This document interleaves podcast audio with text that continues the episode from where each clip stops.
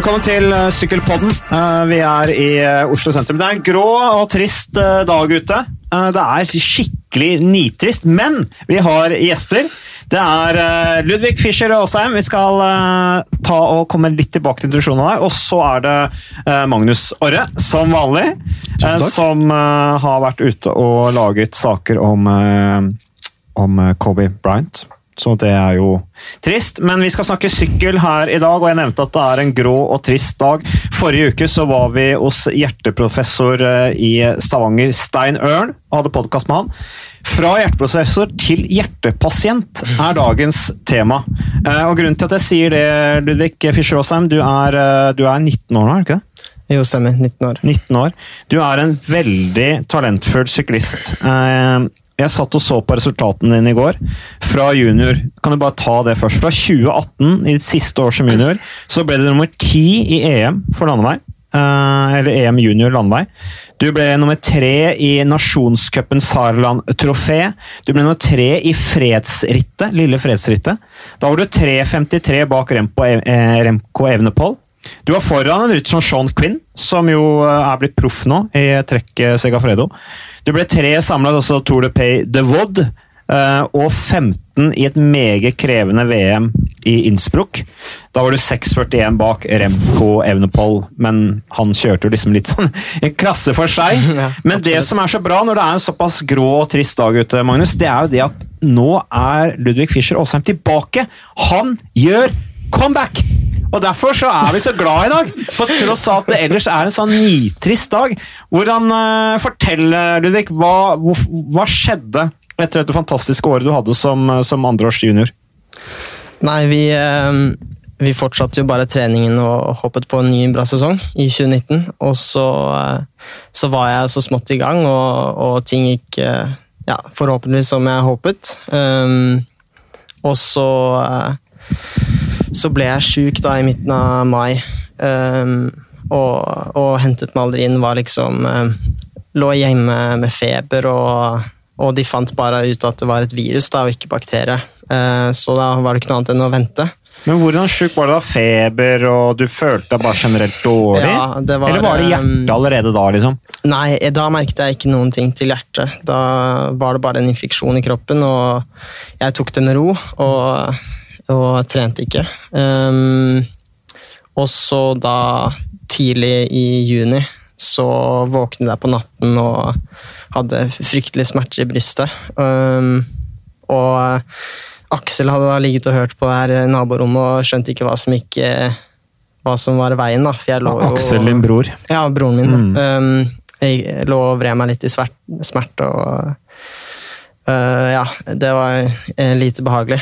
Um, så du hadde så smerter i brystet at du lå og vred deg i smerte? Mm, det var, uh, jeg lå liksom og halvsov, så det, det, føltes litt som en dårlig drøm. Da. Jeg skjønte ikke helt at det skjedde på ekte. og så, så sto jeg opp, og Aksel var på badet um, og sa at ja, du bør egentlig bare komme deg rett til legevakta, for det her høres ikke bra ut. Så Um, ja, da vekket vi mamma, og så kjørte vi ned, og så um, sendte de meg videre til Ullevål fra legevakta, og så ble jeg innlagt. Hm. Og hva, når du kom på legevakta, du sa du hadde smerter i hjertet, altså var det sånn at legen da garanterte Altså han med en gang tenkte på at det var hjertet? Eller tenkte han på at det var noe annet? Altså, snakket dere om dette her at du var idrettsmann allerede da, eller? Ja, eller vi nevnte vel at jeg drev med sykkel og, og at jeg hadde vært sjuk, og så uh, satte de på sånne EKG-greier for å måle hjertet mitt, og så bestemte de meg da for å uh, bestemte seg for å sende meg videre til Ullevål, og det var det det var der de da fant ut at det var hjertet som Eller selvfølgelig hadde de jo mistanke om det på legevakta også, med smerte i hjertet, men det var der de fikk påvist da, at jeg hadde uh, myokarditt og perikarditt, som da er hjerteposebetennelse og hjertemuskelbetennelse. Var det skummelt, eller? ja, det, det, var, det, var, det, var, litt skummelt, men um, samtidig så, så, føler man seg veldig trygg når man først er på sykehuset, og, og smertene gikk over også etter omtrent uh, en og en halv time. Da. Um, og da da følte jeg meg i gode hender og, og trodde at jeg skulle da friskmeldes, friskmeldes snart. Men dette kom akutt? Du hadde ikke kjent noe som helst forvarsler i forkant? Nei, det var eh, det, var det som var litt skummelt. At det var eh, jeg, jeg, så bare for meg at jeg var syk og, og snart skulle bli frisk igjen, og så kommer dette. Så så det var jo det var ekkelt. Og da hadde du ikke trent på en stund fordi at du hadde følt deg generelt dårlig, så du hadde ikke sett noe pulsutslag eller sånne ting? Nei, um, jeg hadde bare tatt det med ro og ikke trent for um, ja, jeg følte meg såpass dårlig, og det, jeg prøvde å tråkke litt, men det var liksom eh, Da kom det dunking i hodet, og da, da var det bare å stoppe med en gang. Um, ja. Så dette var, var det Ullevål du sa det var? Jeg ble innlagt på Ullevål. Ja. Mm. Eh, og så får du da den beskjeden om hva du kalte for noe, det hjerteposebetennelse? Ja, perimyokarditt var blanding av to forskjellige betennelser. Og når du får den beskjeden om at det er det du har, eh, hva tenkte du da? Tenkte du da at ok, greit, da har jeg det og det, jeg skal bli frisk igjen kjapt som mulig? Eller tenkte du ok, nå er karrieren over? Uh, det var uh, de, de, sa jo først at um, dette kan ta mellom tre og seks måneder å, å bli friskmeldt fra. Så da håpet jeg at det bare skulle ta tre måneder. Uh, og tenkte at det skulle, ja, det skulle gå helt fint. Um, men så fikk jeg beskjed om at det ville ta et halvt år. Uh, og det var jo et sjokk, og det var, uh, det var ikke noe moro beskjed å få. men um, jeg, jeg, holder meg som regel ganske positiv, så jeg, jeg satset på å komme tilbake. Og jeg er jo såpass uh, tidlig i min karriere, så ja, jeg, um, jeg, så bare fremover. Så du tenkte hele tiden at du, du skulle tilbake? Mm, absolutt. Og så har jo din, din, far er jo også trener, så hvordan Hva sa han til deg i forbindelse med dette her? Han, eh, nei, han, var like positiv som han alltid er, og, og, sa bare at ja, men da nå tar vi et uh, hvilehalvår, og så, og så får vi uh, jobbe med å komme tilbake når den tid kommer, da.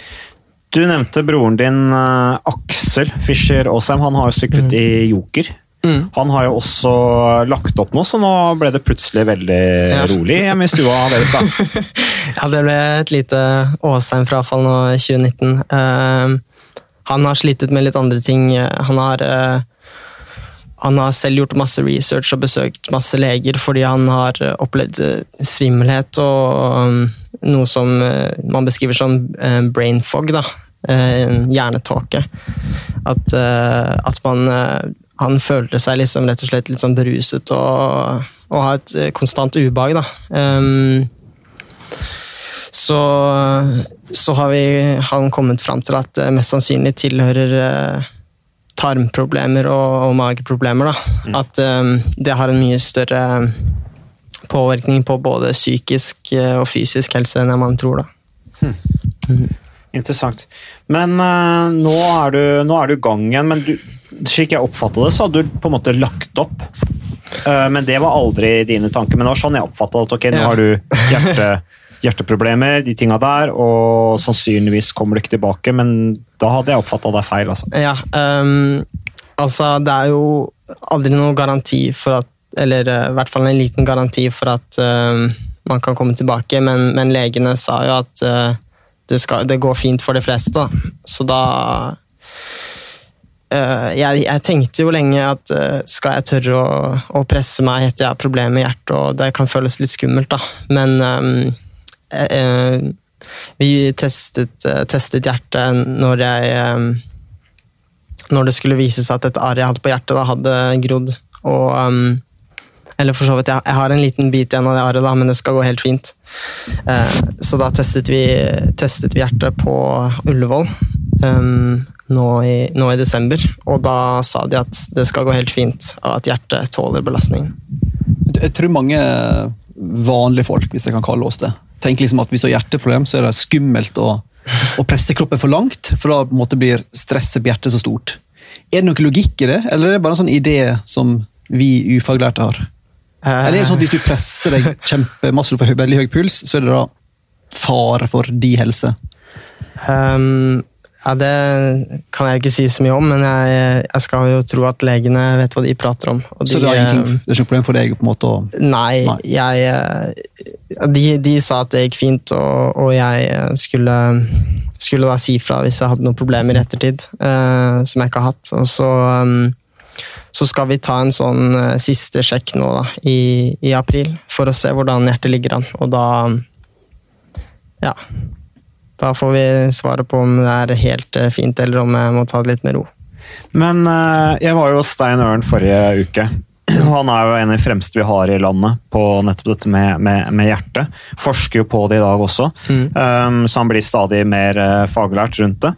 Men har du hatt noe kontakt med han i forbindelse med dette her? Ja, um, pappa og Stein Jørn kjenner jo hverandre litt. Uh, så vi tok jo kontakt med han og, og spurte ehm, er det noen mulighet for at det går an å trene bitte litt, eller uh, holde det i gang så smått. da. Um, men han, han uh, turte ikke helt å anbefale meg å gjøre det. Han sa at jeg skulle snakke med mine leger, og at de ville gi meg svar på det.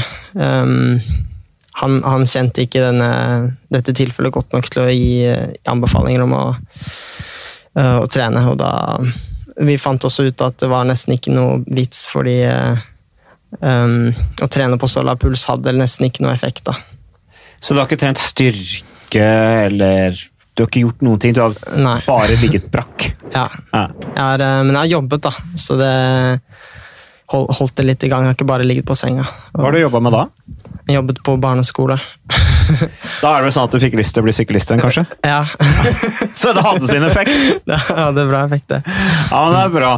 Eh, Det er jo litt så aktuelt, dette med hjertet. Um, Det er jo et tema i, eh, i eh, idretten eh, i Norge, men også internasjonalt. Vi har jo, Hvis vi bare ser på syklister da, eh, som har hatt hjerteproblemer Eh, Jeg var og kikket litt på det i går, eh, før vi skulle møtes i dag.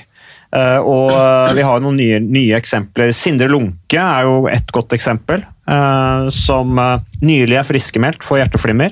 Han rådførte seg bl.a. Med, med Stein Ørn. Eh, hadde jo flimmer og uregelmessigheter som skal ha kommet fra et virus. da. Eh, Kasper Folsak, som jo var, var på banelandsdag til Danmark, kanskje eh, ganske, ganske sikker plass på det danske landslaget til, eh, til OL i Tokyo. Skulle jo sykle i UnoX. Eh, han har lagt opp og er nå en del av støtteapparatet til eh, UnoX-laget.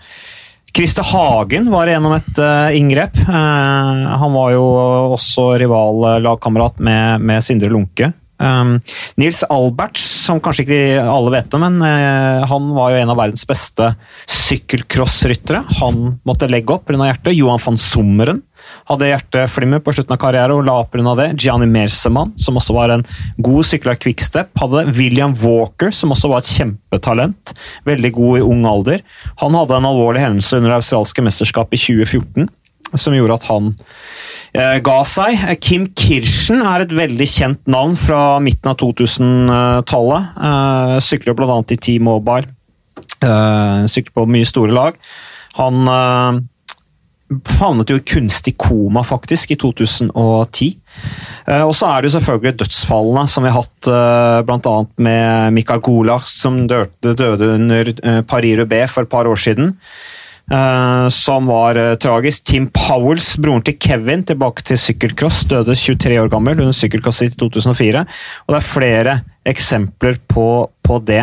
Uh, så, men hva Sånn som nå, du, du sier at du skal på en ny kontroll. Er det sånn at du, etter at du har hatt den på en måte, diagnosen du har hatt, da, er det sånn at du havner høyere opp på en observasjonsliste eller noe sånt?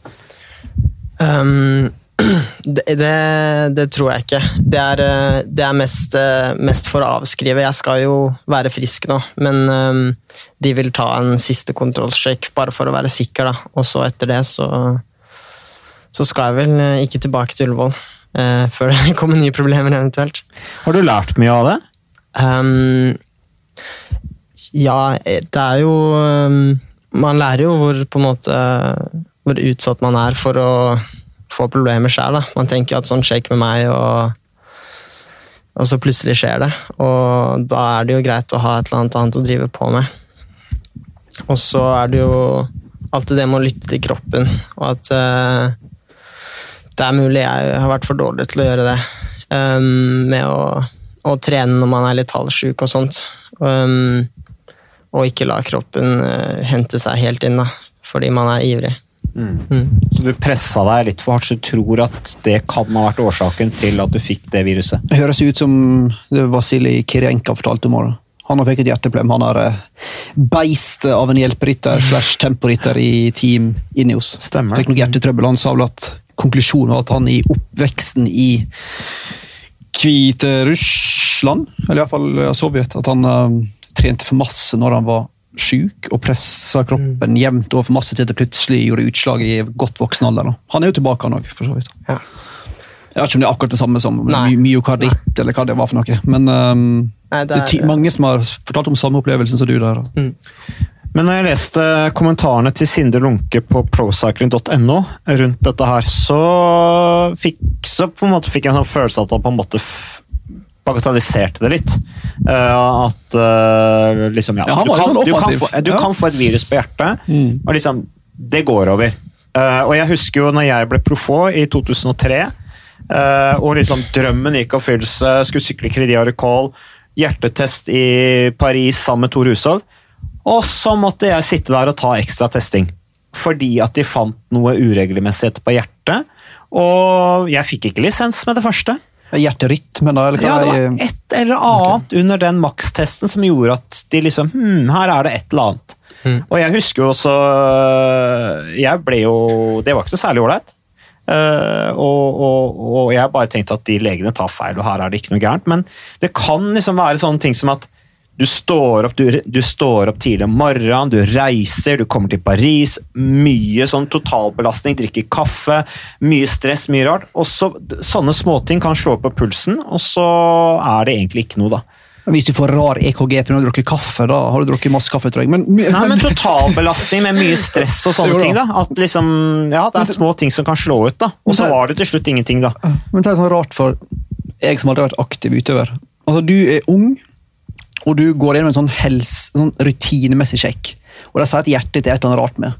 Og du, første du tenker da er at nei, de tar feil. Ja, For jeg ville bare sykle. Ja, for jeg tror jeg har blitt litt sånn bekymra. Litt sånn oi, shit, her må jeg eh, Så jeg ringte mamma. skjønner du hva? Altså, Men du tenkte bare at det var feil? da? Ja, ja, jeg skulle sykle. Men jeg blåste i det greiene der. Ja, men sånn er det. Du har lyst til å sykle. Ikke sant? Så du vil ikke at noe skal ødelegge det. Men eh, nå ordna det seg for min del, og det er jo Hva sa fatter'n til det? da? Nei, drit i det. Nei, han er ikke sånn veldig bekymra type og bare fikk tatt disse testene og sånne ting. Så stoler man jo på at ting er i orden, og det var jo til slutt i orden. Altså. Det var jo, var jo bra. Så, men, eh, men det er jo godt å høre. Og nå er du full av pep, eh, Ludvig. Nå er du klar til comeback. Altså, Hvor lenge har du trent? Eh, jeg startet å trene i midten av desember, og da Jeg holdt det gående siden det, så det begynner å bli litt over en måned nå. Nesten to. Og Da kombinerer du da sykle for Rye sykkelklubb eh, og da Dare Development Team. Mm. Dette klatrelaget. Mm. Hvordan er samarbeidet nå? Du blir jo trent av din far. Hvordan er samarbeidet nå da med, med Dare Development Team i forhold til rittprogram og samlinger og sånn?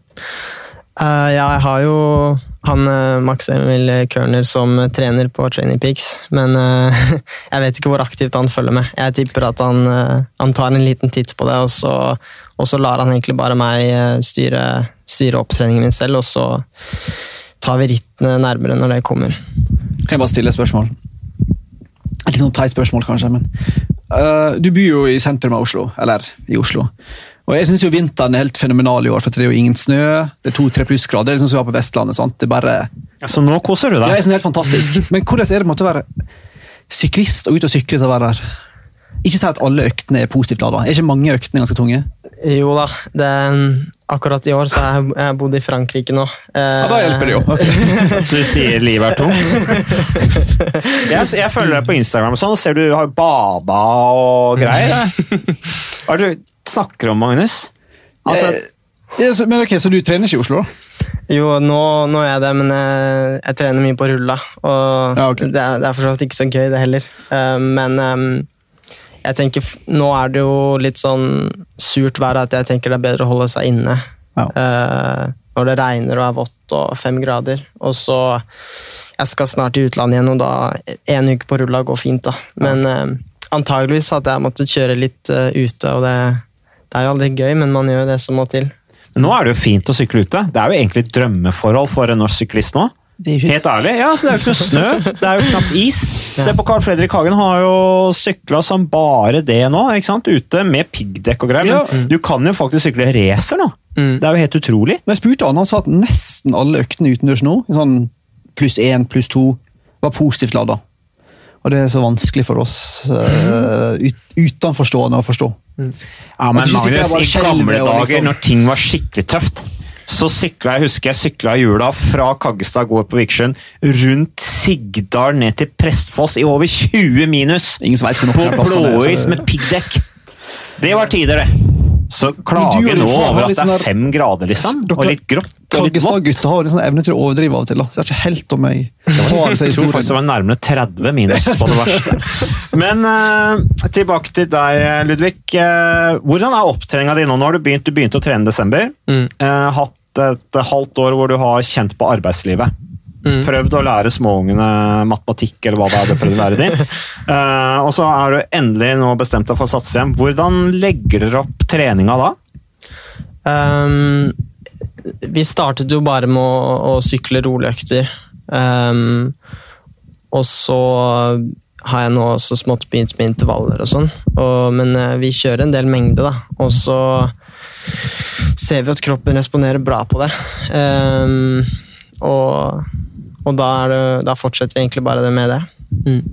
Ja, Så bygger du deg gradvis opp, da. Ja, Men du har ikke kjørt du sier mengde, dere har ikke kjørt så mye intervalltrening altså, i starten? Nei, jeg, jeg, jeg startet nå med å kjøre mye tre-fire timer eh, i, i Frankrike, og så la vi inn eh, noen sånne naturlige intervaller, hvor jeg på en måte holder meg pulsmessig litt under eh, det man kaller for intervaller. Da. Um, Submax? ja, litt sånn sweet spot, da, hvis Ja. du vil.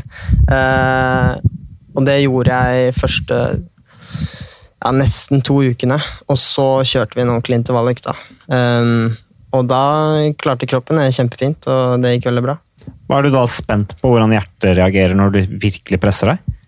Ja, det, det er jo alltid litt skummelt å, å, å se pulsen liksom nærme seg 180 og over, men um, den uh, AKG-en som jeg testet før jeg ble uh, friskmeldt, da var jeg oppe på makspuls, og, og legene fant ikke noe feil med puls og, og hjerterytme og alt det, så, um, så da stoler jeg på det. Og når er første rittet ditt eh, planlagt?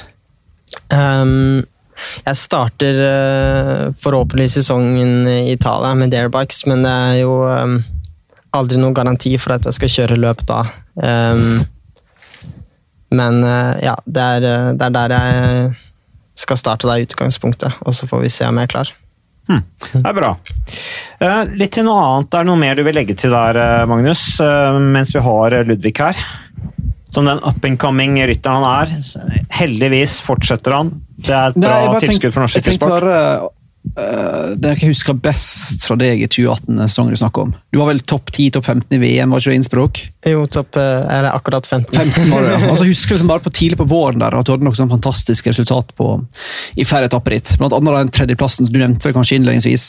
I fredsritt, ja. ja. ja. Du var jo tre, i et annet Nations Cup-ritt òg. Ja, Det er jo fantastiske Rybel, resultater. Ja. Uansett, altså var du vel nummer tre bak Evenepool der i Ja. fredsrittet. Ja. Hvordan var han den sesongen der? Han var, da var han, da han ble 20 nå i helga, da var han 18 år, han kanskje?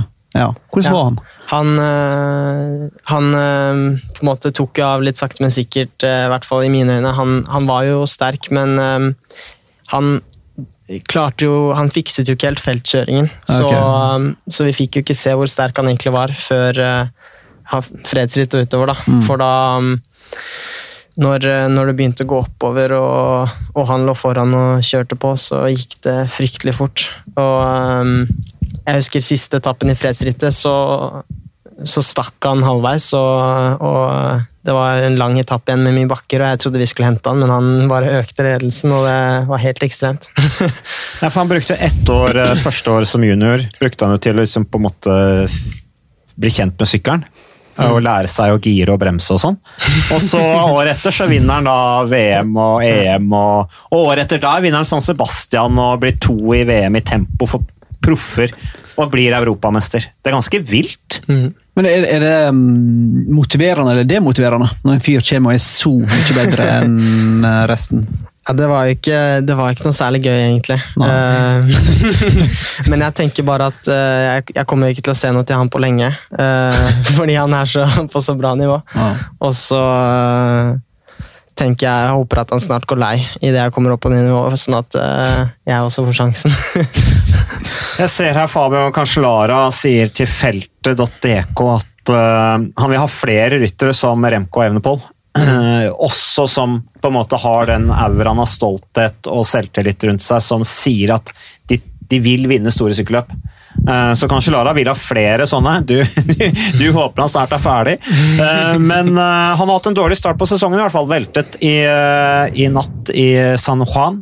Eh, Så du rittet, eller? Magnus? Jeg så etappen, og det var litt sånn påfallende, for det var jo Produksjonen av Vuelta San Juan er jo alltid en, eh, en, en tvilsom fornøyelse. Men de hadde jo bilde i år, i alle fall litt. Det var av og på, da. Eh, Men så var jo oppløpet var jo 14 km rett fram på slutten der. Altså rett fram i 14 km. Før det selvfølgelig får en sving med 75 meter igjen. da. Og så var det Jeg tror ingen visste hvor målstreken var. Eh, Så det ble bare fullstendig kaos. Det var vel 10-15 sånne hvite streker i veien der. Så, så han godeste Ikke Travis McCabe, men eh, Barbier vant fra Israel Cycling Academy. Sikkert, Men da trynte jo nevnte Evenepool med stor belt i 3,5 km igjen. En Ei dame, nei, det var ikke sånn å si, en tilskuer kom, bort i, kom bort i feltet, reiv ned en haug med folk. Eh, Så da skulle jeg jo tro at da er jo løpet over for mange sammendraget. Men i sykkel så har vi våre egne regler, så det var utenfor 3 km-merket. Men likevel så mente arrangøren at det var litt dårlig gjort, så da ga vi alle samme tidspunkt igjen. Til e min evige irritasjon så er regler eh, kun ja, Det vel, har vel ingen verdi i sykkelsporten, egentlig. Her finner vi på regler underveis. Vi har én viktig regel i sykkel, Magnus, og det er at regler er til for å endres. Der har du det. Ja. Så, og det er jo flott, men den fleksibiliteten, tenker jeg. Ja, ja, det Å se totalbildet og helheten før man bestemmer seg for hva utslaget skal bli. Men jeg tror det gikk fint med Evenepool. Han, bare, han så litt forslått ut, men jeg tror det gikk eh, bra. Så han er sikker på start i kveld òg. Men eh, er det sånn, eh, Ludvig, at du, du, du tenker at du har lyst til å bli proff? Ja, absolutt. Det, det er det jeg sikter for. Så eh, jeg gjør ikke comeback bare fordi eh, det er gøy å kjøre langturer. Eller sykle rulle, for den saks skyld? ja, nei, det er i hvert fall ikke det jeg trener for. Nei, Så da er det jo store sjanser for at du gjenforenes med Remco Evenepool, da. Ja, det, det er det jo. Hvis ikke Så- du skal snakke med laget om at hvis du skal signere for de, så skal du i hvert fall sørge for at du har et rittprogram som, hvor du ikke kjører noen av rittene som Rem- Remco Evenepool kjører, men det blir jo litt passivt. Ja, det er, det er også en mulighet, men eh, ja, vi får, får se hvis jeg havner i den situasjonen. Det får vi se. Ellers eh, så er det jo, det har vært mye, nå er jo sykkelsesongen for alvor i gang. Følger du mye med på sykkel sjøl, eller Ludvig? Uh, ja, jeg, jeg følger med på de store rittene, men jeg må innrømme at uh, jeg var ikke så inspirert til å følge altfor mye med nå som jeg var uh, sjukmeldt og sånn. Men uh, jeg har fått med meg litt av i hvert fall Tour Down Under og sånn. Ja, Så da var du fed up med hele greiene, liksom? Ja, litt grann. Langt nede. ja. Ja, ja, det er jo normalt. Men det er jo egentlig et fint år å få det på, da. Første året som Ja, U23. For det er jo absolutt. et, egentlig et tungt år. Det er det, så øh, nå går det an øh, at folk eh, gir deg litt mer tid på å komme, komme inn i det. Fordi de vet at du har vært ute og, og sånt. Hmm. Magnus, har du fulgt med? Du var jo oppe i natt og så på San Juan. Det er jo sterkt. Det er skikkelig sterkt. Det er høy nerd... eh, ja, Særlig når du tenker på at den produksjonen er jo ekstremt dårlig. Altså, helt katastrofe. Så, men det tyder jo nå på at du er sugen på å se sykkelløp. Eh, Så du noe på Tour Down Under, eller? Jeg så en del, og så så jeg litt cyclocross i helga. Det gikk jo på TV 2. Ja. ja. Uh, Tour Down Under er jo alltid litt sånn Jeg vet rytterne elsker det rittet, fordi det er så komfortabelt og Ja, varmt og godt. Og, Ja. og jeg kan by på samme hotell hele uka. men uh, la oss være ærlige, det er jo et sykkelritt som kanskje trenger å få litt uh, forandringer. Det har blitt ymta frampå av flere nå, at du kanskje trenger en tempoetappe eller noe nytt. da, For det er liksom alltid det samme. Det er den siste etappen opp til Willunga Hill som Port alltid, bortsett fra i år, pleier å vinne. Jeg har vunnet de seks siste Ja, seks siste. Nå kommer Matthew Holmes. Ja, hvem er Matthew Holmes? Nei, Det er jo en 26 år gammel førsteårsproff fra, ja, fra Manchester om Wiggen, tror jeg han er. Fra Wiggen, som er vel i Greater Manchester, eller hva det heter. Stor Manchester. Som da blir lagkamerat med um, Carl Fredrik Hagen. Vant det ganske sjukt, da. At du slår Richie Port opp Willonger Hill. Så han blir jo Lekende lett òg. ja, veldig enkelt. Så det blir spennende å se hva han får til. Altså. Og han hadde jo vært i brudd hele dagen. Ja. Så han tok jo bare hjulet til Port, han. og så bare helt, klaska eh, han forbi. Det så jo ut som han hadde sittet på hjul hele dagen. Han kan jo ikke ha dratt mye i det bruddet. Nei, Han sa jo han tok en veldig billig reise, da. men likevel var ganske sjukt. I sitt første proffritt så slår det Richie Port på Willonger Hill. Da har du et eller annet å kjøre med. Svein Erik Bystrøm, nummer 11 sammenlagt. Det var jo påfallende bra. Um, og så ser vi jo at Caleb Ewan igjen bekrefter at han er verdens beste spurter. Iallfall i mine øyne. Uh, Sam Bennett og Viviani fikk en sånn så som så. Viviani velta jo da. Stygt. Og Bennett fikk én seier, men det var en del, det tar litt tid å få uh, gella inn de opptrekkene, ser det ut som. Um, Hal Doffen Halvorsen hadde vel noen sjette- og noen sjuendeplasser. Ja, sjette- og Sånn passelig. Ja. Tipper han er sånn ikke sånn kjempehappy med det. Nei. Tror ikke jeg. Uh, men laget kjørte iallfall sånn ganske solid foran. da. Det var ganske godt framme med mange folk og tok det seriøst. da, virker det som. Ja, det så bra ut, Ja, men det. det. var på en måte ikke bra nok. Ja, men det er i hvert fall det tyder for bra at de velger å dedikere så mange folk til han. Det lover jo i hvert fall bra. Ja, og så blir det spennende å se hvor lenge de gjør det, da. Ja, det er det, da. Da må du levere. Men um, de får gi han litt mer enn januar på å levere. Det er bra at de har tro på uh, Kristoffer Halvorsen, i hvert fall. Ja. Uh, han skal kjøre til Reno Adratico og Milan San Remo. Jeg snakket jo med Gaber Rask i fjor om Kristoffer Halvorsen. Og da var, liksom, da var Gabriel hadde veldig lyst til å fortsette å jobbe sammen med Kristoffer Halvorsen i Team Ineos. Gabriel Rask er jo sportsdirektør i Team Ineos. Og sa at den gutten der, han kommer en dag til å vinne Milan San Remo, sa Gabriel Rask. Og Gabriel er jo ikke den som hiver rundt seg med superlativer, så eh, det er jo grunn til å tro at det faktisk eh, er et poeng i det. Men uh, Richie Port tok eh, 500 UCI-poeng, som er mer enn eh, femteplassen sammenlagt i, eh, i Tour de France, faktisk. Eh, bryr du deg veldig om eh, rangeringslister, Ludvig? Um, nei, ikke så veldig. Men uh, selvfølgelig er det viktig, det også. Og det er jo uh, Ja, jeg har ikke så stor greie på det, men det er jo de samlede UCI-poengene som plasserer eh, lagene etter hvor de står, og hvilke som er de beste lagene. Selv om man vinner Tour de France eller ikke. Men hva tenker du på nå, Ludvig, i forhold til eh, veien videre? For nå er det jo opptrening, og det er jo egentlig ganske gøy å trene seg opp når du har ligget brakk, sånn som det du har gjort. Fordi at formen kommer jo voldsomt. Du kjenner hele tiden at ting fungerer. Mm. Det er nesten litt vanskelig å, å holde en intensitet nå, er det ikke det?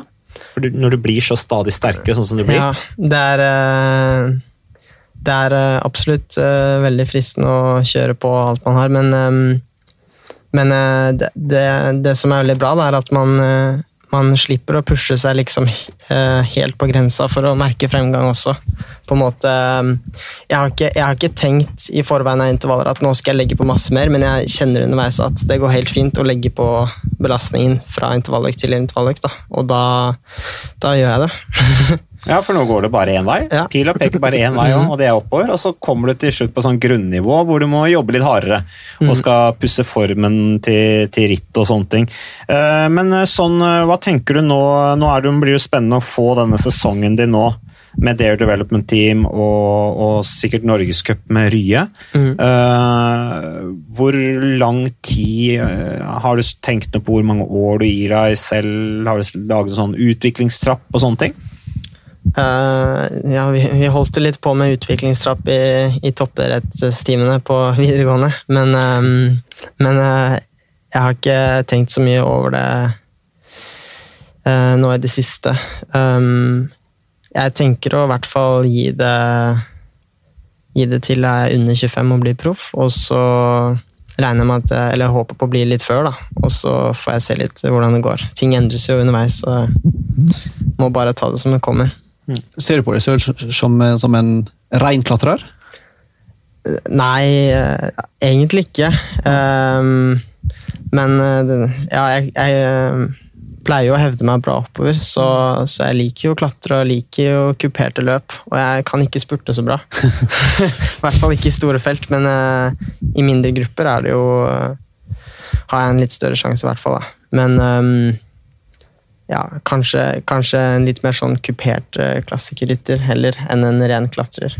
Mm. Uh, Magnus, uh, apropos spurter. Uh, NTT det er jo liksom norsk lag, i og med at vi har Rasmus Fossum Tiller og ikke minst Edvard Baasen Hagen. og også godeste Gino van Odenhove, som er sportsdirektør. Og litt sånn skandinavisk preg òg, nå med Bjarne Riis, som kommer inn der. hadde jo sin debut som sportsdirektør i det laget i nettopp Tour Down Under. jeg så de intervjuene med Bjarne Riis litt sånn han er jo ikke en mann av mange ord. Du klarer aldri å lese hva han egentlig tenker, men han var ganske positiv. da. Jeg har på følelsen at han har tenkt å endevende det laget der eh, når denne sesongen er over. Men de fikk jo en veldig etterlengtet etappeseier med italienske Giancomo Nisolo som jeg mener er en kjempesignering av de når de fikk han inn, var det ikke før fjorårssesongen. Uh, og det var litt smart taktikk her, som han Ryan Gibbons i spurten der, som lagde en sånn liten luke som han fikk mye skryt. ikke sant? Så måtte disse toppspurterne tette en luke av Greipel, f.eks., som han har sett på wattfila til, som hadde mer watt det han tetta luka, enn det han hadde de siste 100 meterne. Som jo var smart.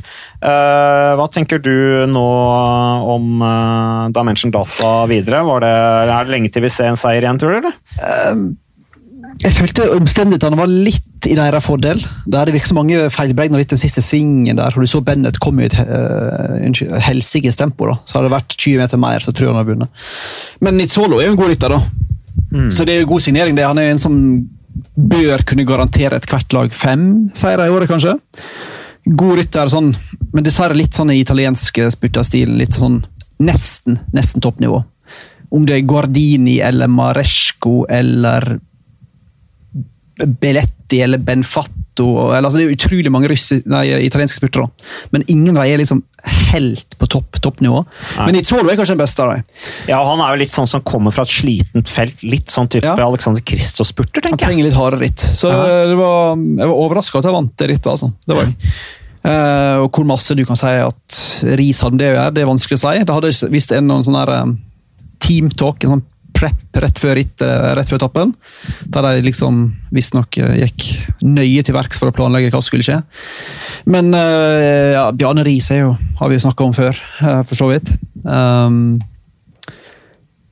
men overraska av at de vant, og jeg tror det er gull verdt for både Riis og for laget generelt at du faktisk begynner med en gang og ser endringer.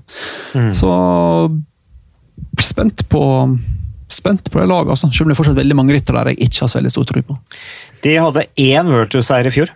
Det var etappen Edvald, Edvald vant i Credin Dauphiné. Nå mm. har de i hvert fall på en måte allerede en, en World Tour-seier. og eh, Som sagt, det er en del poeng å hente og sånne ting. altså Som jeg nevnte, eh, Bridge Report fikk mer poeng for å vinne Tour de Andre enn å få for femteplass i Tour de France. ikke sant? Så det, det gjør seg. Trekk Segafredo, som for øvrig hadde en fantastisk start på sesongen, vant jo dameutgaven med Ruth Winder, eh, amerikanske mesteren. Eh, og da topper det hele da med Richie Port som vinner herreklassen. Så bra start for Trekk Segafredo og han eh, Sean hva heter han igjen? Han Quinn Simmons. Quinn Simmons, ja. Quinn Simmons som ikke har konkurrert ennå, men uh, han har jo du konkurrert mye med. Ja. Er det inspirerende å se disse unggutta, sånn som vi har snakka om Remco Empol? Helt sinnssykt. Og så har du han Quinn Simmons, som fikk han vant eh, junior-VM i Yorkshire, ikke det? Uh, amerikaner som også blir Han skal vel kjøre noe av sesongen først nå som uh, kontinentalrytter eller amatør. Og så har han signert med Trek Segafredo fra sommeren. Uh, Syns du det er hva tenker du om den utviklinga som de gutta der har, hvor de bare går rett opp i det i World Tour? tenker du at du heller har lyst til å bruke noen år på å komme deg inn på, den, på World Tour-nivå? Ja, jeg, jeg konkurrerte jo ikke med han i fjor, men, um, men Nei, forfjor. I 2018. Ja, ja, eller mm. jeg, jeg, konkurrerte med han i 2018, da var han sterk, men uh, han så jo, så jo, bra ut i, i fjor også. Men um, jeg vil tenke at Remco var utrolig spesielt, og at uh, han fiksa World Tour-nivå, var jo på en måte det var litt mer uh, forventa. Jeg vet ikke helt uh, hvordan det kommer til å bli for Queen Simmons, men ja, det, det får vi jo bare vente og se på. Jeg tror Jeg ville ikke gjort det som førsteårs, men så er jeg en litt annen type rytter også. Eh, og hvis han har en bra utvikling, så kan det hende han klarer det helt fint. Men jeg hører nå Jeg snakka litt med Tor Husodd om det, og har hørt noen podkaster hvor liksom gamle proffer eller eldre proffer på vei ned i karrieren som liksom sånn hjertesukk at liksom Ja, dagens unge ryttere de skal jo trene så hardt. Uh, og de trener så spesifikt hele tida. Uh, folk drar jo aldri ut og sykler lenger og har det hyggelig. De skal alltid drive med disse wattmålerne sine, og hver eneste treningsøkt skal det være spesifikt, og tråkkfrekvens og alt måles, og ting skal gjøres i den minste lille detalj. Er din generasjon, Ludvig, uh, du er jo da altså 19 år, er din generasjon veldig opphengt i den teknologien rundt måling av det fysiske? Ja, det finnes jo eksempler på både og. Jeg er ikke så veldig opptatt av det, men selvfølgelig er det jo et veldig viktig hjelpemiddel å bruke vatt og sånn, men jeg tenker at man kan ta mye av det på følelsen, og så eh, ja, heller på en måte bruke det til å analysere treningen, da. Men det er jo veldig mange som er veldig opptatt av det, og det hvis de får til å, å, bruke det til å bruke det på det det er verdt, da, så er jo det lurt, det sikkert. Ja, det høres jo litt sånn uh, nostalgisk ut når du sier 'kjøre på følelsen', men det er jo fremdeles noen rytter som gjør det også.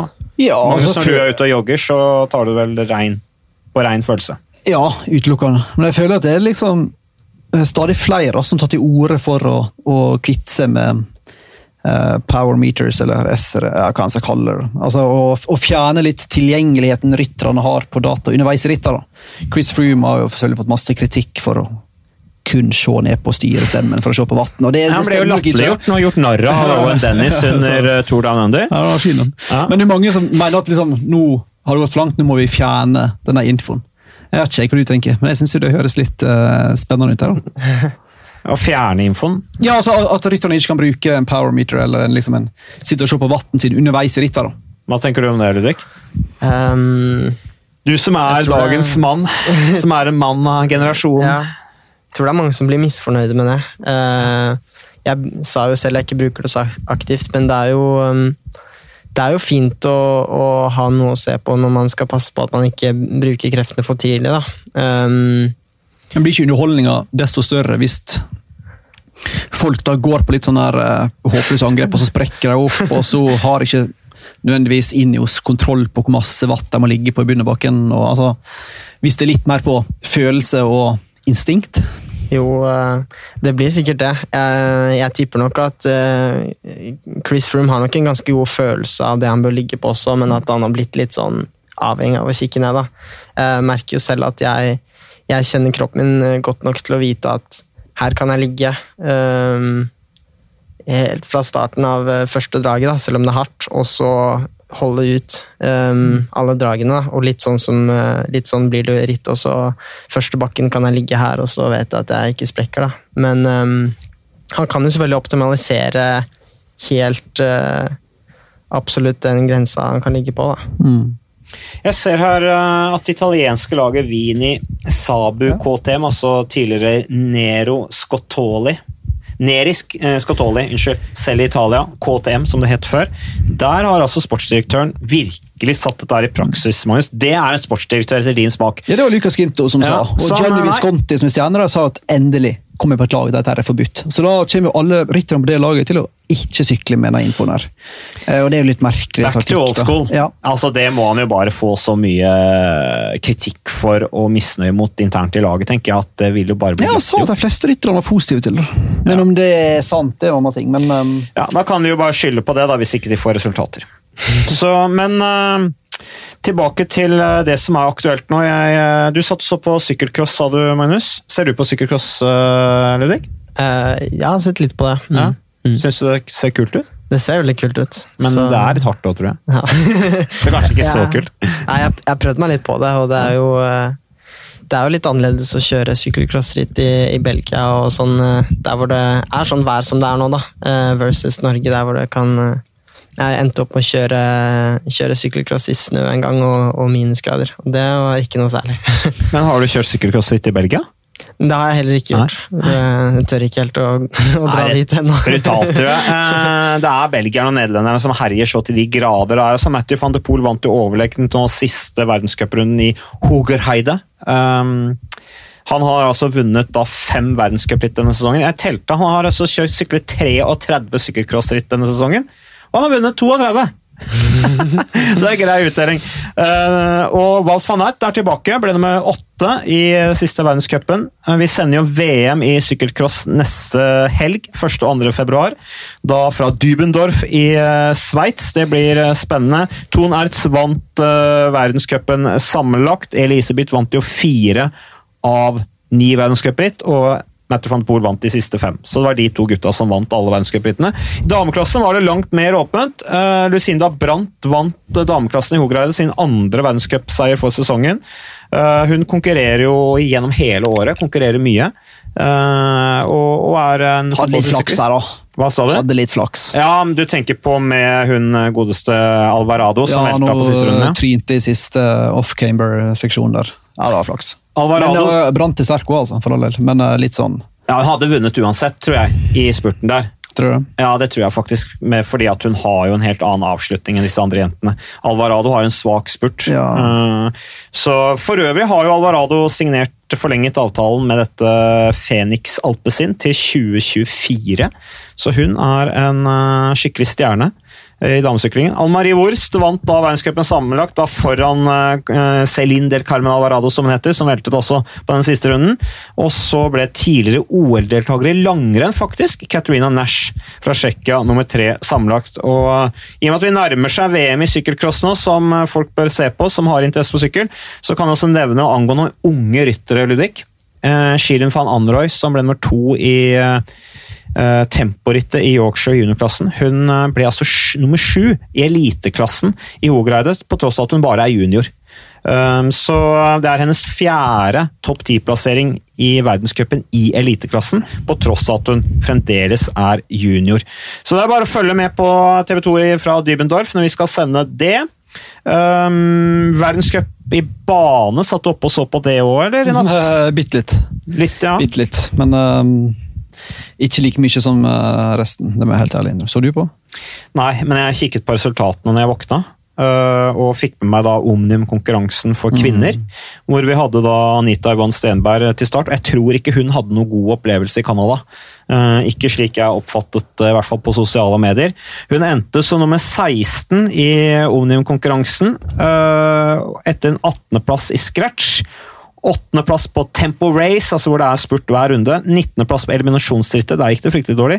Og ble nummer 13 i poengrittet. Men hun ender da på en tredjeplass sammenlagt i verdenscupen i Omnium. Det er kult! Det er ikke så veldig mange nordmenn som vet at vi har en norsk dame som blir nummer tre sammenlagt i verdenscupen i OL-øvelsen Omnium. Som jo er eh, bare å se frem til under Tokyo-OL til, eh, til sommeren. Følger du noe med på banesykling, Ludvig? Nei, men eh, jeg må vel kanskje begynne med det nå. Du har ikke tenkt deg over til Sola og sykle litt velodrom? eh, eh, Stein Ørn snakket jo om det i den forrige podkasten, at Kristoff nok skulle kjøre mye av kvalitetsøktene sine på Sola velodrom når den kom opp. Nei, det er jo Man ser jo de danskene som driver og kjører bane, at de har jo de har et veldig godt nivå. Og man får jo Jeg tipper man får veldig gode rutiner på høy frekvens eh, å kjøre bane, men eh, jeg kan også trene høy frekvens på rulla, så jeg holder meg til det foreløpig. Ja, og det gjør jo også eh, Alexander Kristoff. Kjører mye høy frekvens på, på rulla, så det er bra. Vi sender jo også bane-VM fra Berlin, men det er ennå en god stund til. Det arrangeres altså fra 26. februar til 1. mars. Så eh, men jeg bare tenkte på en ting eh, apropos eh, testing og hjerte og alt sånt. Chris Froome så jeg akkurat vært og testa seg, så du det, Magnus? Mm. det var altså en tweet her som ble lagt ut nå, klarer jeg ikke, får jeg ikke kreditt Jo, en tweet fra Jakob Sebastian Havas. Jeg har ikke noe mer fakta rundt han enn det. Jeg kan godt tenkes at det var en fake news, hva vi vet, men det ble noe i hvert fall likt av Chris Froome på Twitter, så jeg regner med at det var stemte. Chris Froome har testet seg. Testen ble da gjennomført ved å øke wattbelastninga med 25 watt hvert tredje minutt. Og han fikk da et O2-resultat på 84,5. eh, 525,3 i maks watt. Det gir da en maks watt per kilo på 7,5, og han veier jo nå 70 kilo. Så hvis du da går ned på Tour de France-vekten, som er 67 kilo, så betyr det at O2-en hans, hvis du regner om i forhold til den vekten, ville da vært 88. Ganske høye resultater. Hvordan er O2-kapasiteten din, eh, Ludvig? Eh, Du har Testa du deg nå i forbindelse med at du skulle trene deg opp igjen, eller? Mm, Ikke O2, men jeg, jeg har testet det før, og det, har, det har vært veldig bra tall, så jeg er fornøyd med det. Hvor høyt er du da? Um, da, I 2018 så målte jeg 87 på 70 kilo. Um, og så målte jeg 88,4, men jeg husker ikke vekta. Men jeg, jeg tror jeg var litt eh, tyngre. Det er jo eksepsjonelt bra O2-tall. Da snakker vi jo Da er vi oppe på Oskar Svendsen-nivå, da. ja, ikke helt, men Hva var det han hadde? Han hadde, 90, han hadde litt over 90, han. Ja da. tror han var på 90, 97. 97, Ja, tror jeg det var han hadde. ja. Men det det er bare så astrodisk høye tall at Men jeg tror eh, det er Froome-tallet. Jeg tror jeg var der fra 2015. Jeg tror ikke det er nye tester. Å nei, det er ikke nye tester. Nei, jeg tror det er samme som eh, ble publisert i 2015. Mm. Ja, da sier du noe om uh, fake news på Twitter. jeg, trodde sånn, det var i går, jeg. det var sånn jeg tolka det, iallfall. At Ja. det var fra den testen jeg gjorde i eh, 2015, for å på en måte svare litt på kritikerne. Sånn, eh, Mm. um, Nei, for det var ja. jo vært overraskende om han var der nå, tenker jeg. Med, ja, det har vært voldsomt. Ja, med de rapportene vi får. Men eh, du kan jo kjenne deg litt igjen i Froome, da. I og med at han, bortsett fra at du slapp å ligge på sykehus med Ja. knuste bein og sånn, men du hadde jo ikke så bra du heller. Nei, eller ehm, Jeg synes at uh, sykehusoppholdet var egentlig veldig koselig. Eh, jeg hadde med meg PlayStation, og så ja, var det snille folk som jobbet der, og de tok vare på det. Det var mye god mat som man bare kunne gå og hente seg, men ehm, jeg hadde jo for så vidt ikke noe Jeg må, trengte jo ikke kjøre rundt i rullestol, og kunne gå fint rundt. Selv om jeg var festet i sånn der eh, EKG hele tiden. da. Om ikke helt feil, så hadde vel Bernal hadde vel 88,8 da han var 19 år Ja. i O2, tror jeg. Mm. Men klart, O2-en sier jo, ja, som du vet, det er jo ikke Nei. Det er jo ikke så hvor anvendelig det er, og hvor masse bruk du egentlig har for det. det. Eller bruk har du selvfølgelig, men hvor masse det egentlig sier om deg som syklist, det er jo ytterst variabelt. Men, Hvordan eh, er testplanene dine nå fremover for å på en måte måle progresjon og utvikling etter comebacket ditt? Um, vi skal kjøre noen tester hjemme som pappa har kontroll på, men så um, har vi også pratet med, um, med Hans Falk om å teste på Olympiatoppen. Så da skal jeg gjøre det i, i mars en gang, tror jeg. Da skal jeg få testa opptaket, så håper det, håper det begynner å nærme seg et bra nivå igjen. ja.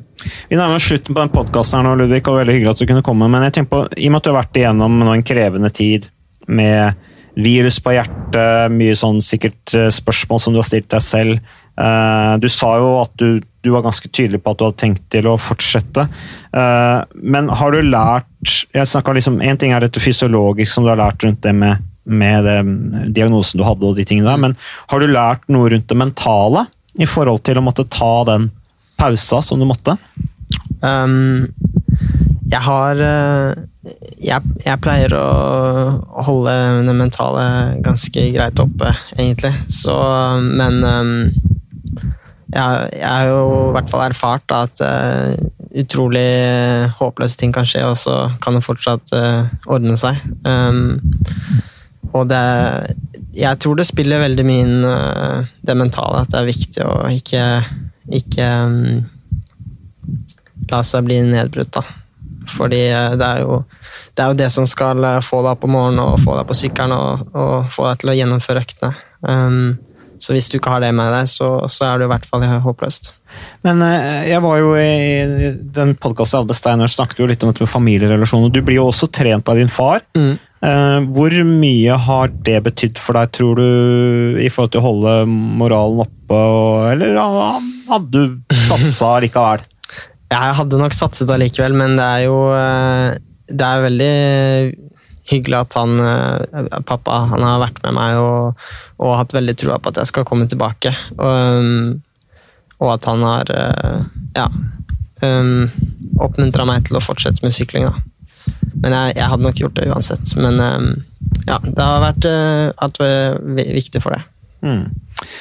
Da skal vi avslutte, Magnus. Ja, det er vel på tide. Du ser ut som du er litt utålmodig nå, rett og slett. Du har lyst til å komme deg hjem, du. Eh, Nei, jeg skal trene nå. etterpå. Du skal trene, så Ja, bra. altså, Det er fornuftig det. bruk av tida.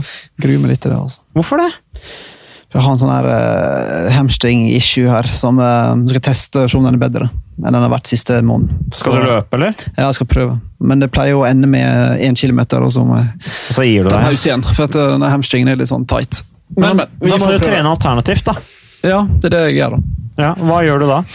Ah, sykle, ellipse. Alle, alle er sånne ting som er litt mer skånsomt for uh, ledd og eh, sliten muskulatur. Og.